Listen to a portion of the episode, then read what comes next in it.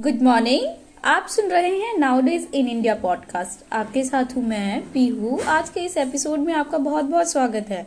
तो शुरुआत करते हैं कुछ बड़ी खबरों के साथ। आठ महीने बाद चीन ने कहा गलवान में उसके चार सैनिक मरे थे।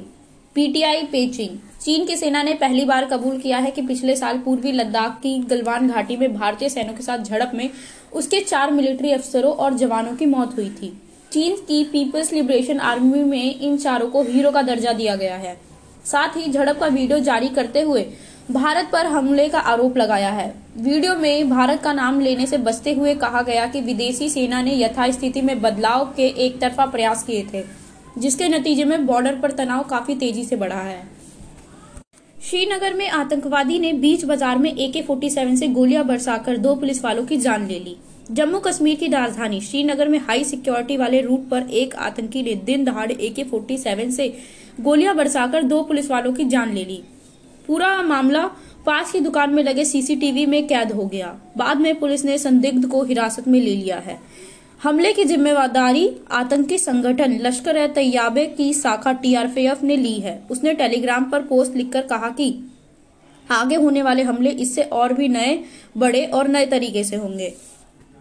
डब्ल्यू एच ओ बोला, खरगोश से फैला था कोरोना। विशेष संवाददाता, नई दिल्ली।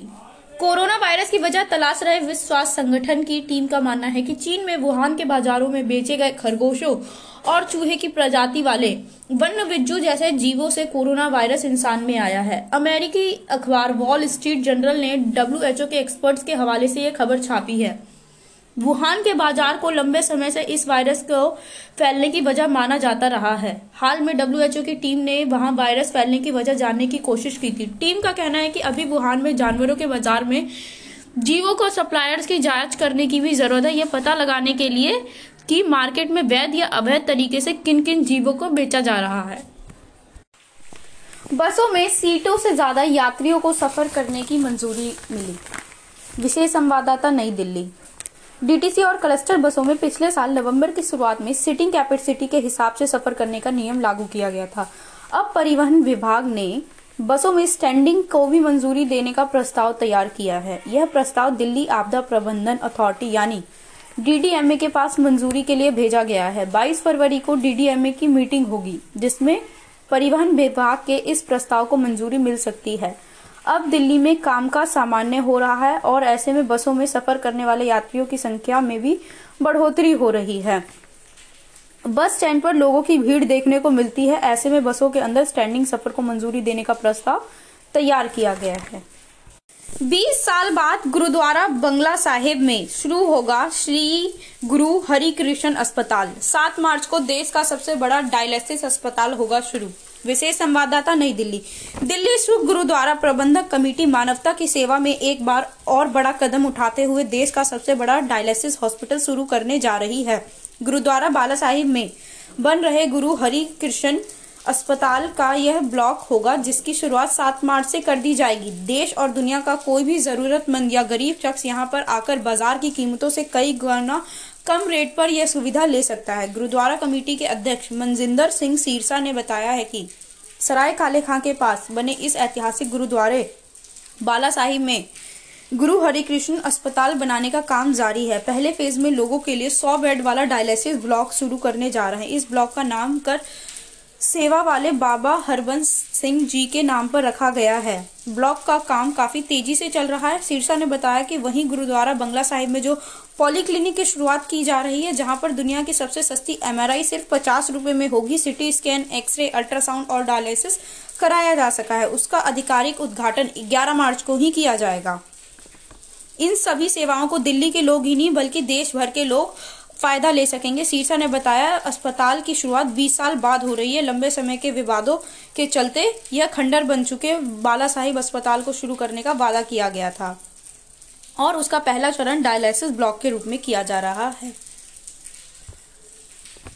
टूल किट मामले में अधिकारों में बैलेंस की वकालत। निस्ता के अधिकार और देश की अखंडता पर बोला कोर्ट। प्रमुख संवाददाता नई दिल्ली। टूलकिट केस में गिरफ़्तार दिशा रवि की अर्जी पर सुनवाई के दौरान दिल्ली हाई कोर्ट ने कहा निस्ता के अधिकार, देश की संप्रभुता अखंडता और बोलने की आज़ादी को संतुलन किए जाने की ज़रूरत है। कोर्ट ने कहा कि दिशा रवि के खिलाफ एफआईआर की जाँच के बारे में मीडिया में आई कुछ खबरों की वजह से सनसनीखेज रिपोर्टिंग की ओर इशारा करती है। दिशा की जाँच सामग्री को मीडिया में लीक करने से पुलिस को रोकने की मांग की गई है। कोर्ट ने कहा कि गृह मंत्रालय के आपराधिक मामलों में रिपोर्टिंग को लेकर मीडिया एडवाइजरी जारी की जाएगी। दिल्ली पुलिस उसका पालन करे। दिल्ली से माइक्रोवेव में छुपाकर लाया था 55 लाख का सोना पकड़ा गया। नवीन निश्चल, आईजीआई एयरपोर्ट पर दिल्ली कस्टम के एक तस्कर को सोना की तस्करी करते हुए मामले में गिरफ़्तार किया गया। यह तस्कर 1280 ग्राम सोना दुबई से लेकर आया था। कस्टम प्रवक्ता के अनुसार, दुबई से आया यह भारतीय यानी ग्रीन चैनल क्रॉस कर रहा था। तभी कस्टम अधिकारियों को इस पर शक हुआ। इसे रोक कर और इसके सामान की जाँच की गई। जाँच में इसके पास से दो माइक्रोवेव में छुपाया गया 1280 ग्राम सोना बरामद हुआ। इसकी कीमत 55.26 लाख रुपए बताई जा रही है। पूछताछ करने पर, यानी सोने के संबंध में कोई जवाब नहीं दे पाया, जिसके बाद कस्टम अधिकारियों ने कस्टम एक्ट के तहत सोने को जब्त करते हुए अधिकारी को गिरफ़्तार कर लिया। प्रदूषण कंट्रोल करने के लिए बनेगा एक्शन प्लान। 4 मार्च को कॉन्फ्रेंस के बाद तैयार की जाएगी योजना। विशेष संवाददाता नई दिल्ली। दिल्ली सरकार धूल के प्रदूषण को रोकने के लिए एक एक्शन प्लान बनाने जा रही है। पर्यावरण मंत्री गोपाल राय ने शुक्रवार को पर्यावरण विभाग और डीपीसीसी के अधिकारियों के साथ समीक्षा बैठक की। उन्होंने बताया कि धूल के प्रदूषण को नियंत्रित करने के लिए एक दीर्घकालीन एक्शन प्लान बनाने को लेकर सात सदस्यीय कमेटी बनाई गई है। मार्च से सितंबर तक एंट्री पॉल्यूशन कैंपेन को कैसे लागू किया जाए, इस पर चर्चा करने के लिए 4 मार्च को विशेषज्ञ और विभिन्न संगठनों के साथ हुई कॉन्फ्रेंस का आयोजन किया जा रहा है। इसमें हुई चर्चा के आधार पर एक्शन प्लान तैयार किया जाएगा। गोपाल राव ने कहा, ग्रीन वॉर रूम में आ रही है। प्रदूषण की शिकायतों के समय से निपटारा करने के लिए भी लापरवाही बरतने वाले अधिकारियों के खिलाफ अब कार्रवाई की जाएगी। कनाट प्लेस में स्थित किए जा रहे स्मोक टावर प्रोजेक्ट का काम जून तक पूरा हो जाएगा। इसकी निगरानी के लिए मॉनिटरिंग टीम बनाई गई है। प्रदूषण को कम करने के लिए पीडब्ल्यूडी और एमसीडी को पानी के छिड़काव में तेज़ी से बदलाव लाने के निर्देश किए गए हैं। पहले पर्स मोबाइल छीना, फिर बाइक लेकर हो गए फरार। विशेष संवाददाता द्वारका। द्वारका साउथ थाना क्षेत्र में एक युवक से बदमाशों ने पर्स और मोबाइल छीना। उसके बाद युवक की बाइक लेकर फरार हो गए। पुलिस में मामला दर्ज कराया गया है। पुलिस को दिए बयान में पीड़ित अनिल, उमर तेईस, ने बताया कि वह एक एनजीओ में काम करते हैं। उनका office sector one Bengali colony में है। 18 फरवरी को वह बाइक से देर रात घर से ऑफ़िस जा रहे थे। सेक्टर दो के डीसीटी डिपो के पास बाइक में पेट्रोल भरवाया, फिर सर्विस रोड से होते हुए घर जा रहे थे। तभी एक लड़के ने बाइक रुकवाई और सौ रुपए मांगने लगा। पीड़ित के मना करने पर दो लड़के और आ गए। एक पीड़ ने पीड़ित को पकड़ा और दूसरे ने जबरन उसकी हाथ से मोबाइल और पर्स छीन लिया। तीसरे लड़के ने पीड़ित को बाइक से धक्का दिया और तीनों फरार हो गए। चांदनी चौक में रातों रात बना मंदिर। जिस जगह से हटाया था स्ट्रक्चर वही स्टील का पूजा घर किया स्थापित। प्रमुख संवाददाता नई दिल्ली। चांदनी चौक रीडेवलपमेंट की राह में आ रहे जिस धार्मिक स्थल को हटाने को लेकर जनवरी में राजनीतिक पार्टियों में कई दिनों तक जुबानी जंग चलती रही, उस धार्मिक स्थल को रातों रात एक बार फिर से वहीं स्थापित कर दिया गया है। इस बार धार्मिक स्थल कंक्रीट का नहीं, बल्कि लोहे और स्टील स्ट्रक्चर से रेडीमेड तैयार किया गया है। धार्मिक स्थल में मूर्ति भी वही है, जिसे पुराने स्थान से हटाया गया था। शुक्रवार सुबह नॉर्थ एमसीडी के मेयर जयप्रकाश और दिल्ली बीजेपी के प्रदेश के अध्यक्ष आदेश गुप्ता ने वहाँ पूजा अर्चना भी की। रुख करते हैं कोविड बुलेटिन की तरफ़। 50 साल से अधिक उम्र के लोग वैक्सीन के लिए चुनेंगे अपना दिन और समय। एक किलोमीटर की दूरी पर मिलेगा कोविड वैक्सीनेशन की सुविधा। विशेष संवाददाता नई दिल्ली। राजधानी में अब तक 50 साल और इससे अधिक उम्र के लोगों को वैक्सीनेशन देने की तैयारी चल रही है। अहम बात यह है कि ऐसे लोगों के पास वैक्सीनेशन के लिए अपनी पसंद का दिन और समय और सेंटर चुनने का विकल्प होगा। इसके लिए मौजूदा कोविन ऐप में बदलाव किए जा रहे हैं। अधिकारियों से मिली जानकारी के अनुसार कोविन ऐप का नया वर्जन जल्द लॉन्च होगा। इसी में इस कैटेगरी के लोग वैक्सीनेशन के लिए रजिस्ट्रेशन करा सकेंगे।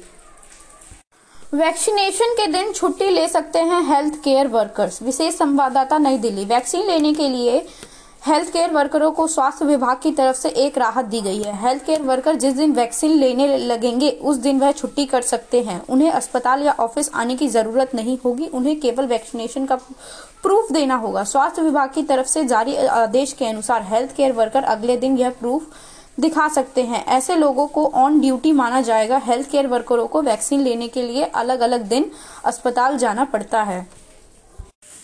एलएनजेपी अस्पताल में 76 फ्रंट लाइन वर्कर्स को किया सम्मानित। विशेष संवाददाता नई दिल्ली। दिल्ली के स्वास्थ्य मंत्री सत्येंद्र जैन ने कोरोना महामारी के दौरान लोगों को सेवा कर रहे एलएनजेपी अस्पताल के 76 फ्रंट लाइन वर्कर्स को सम्मानित किया है। दिल्ली विधानसभा में हुए इस सम्मान समारोह में स्वास्थ्य मंत्री ने कहा कि 2500 बेड्स वाला एलएनजेपी अस्पताल पूरे देश में नहीं, बल्कि पूरी दुनिया का सबसे बड़ा कोविड नाइन्टीन हॉस्पिटल बना था।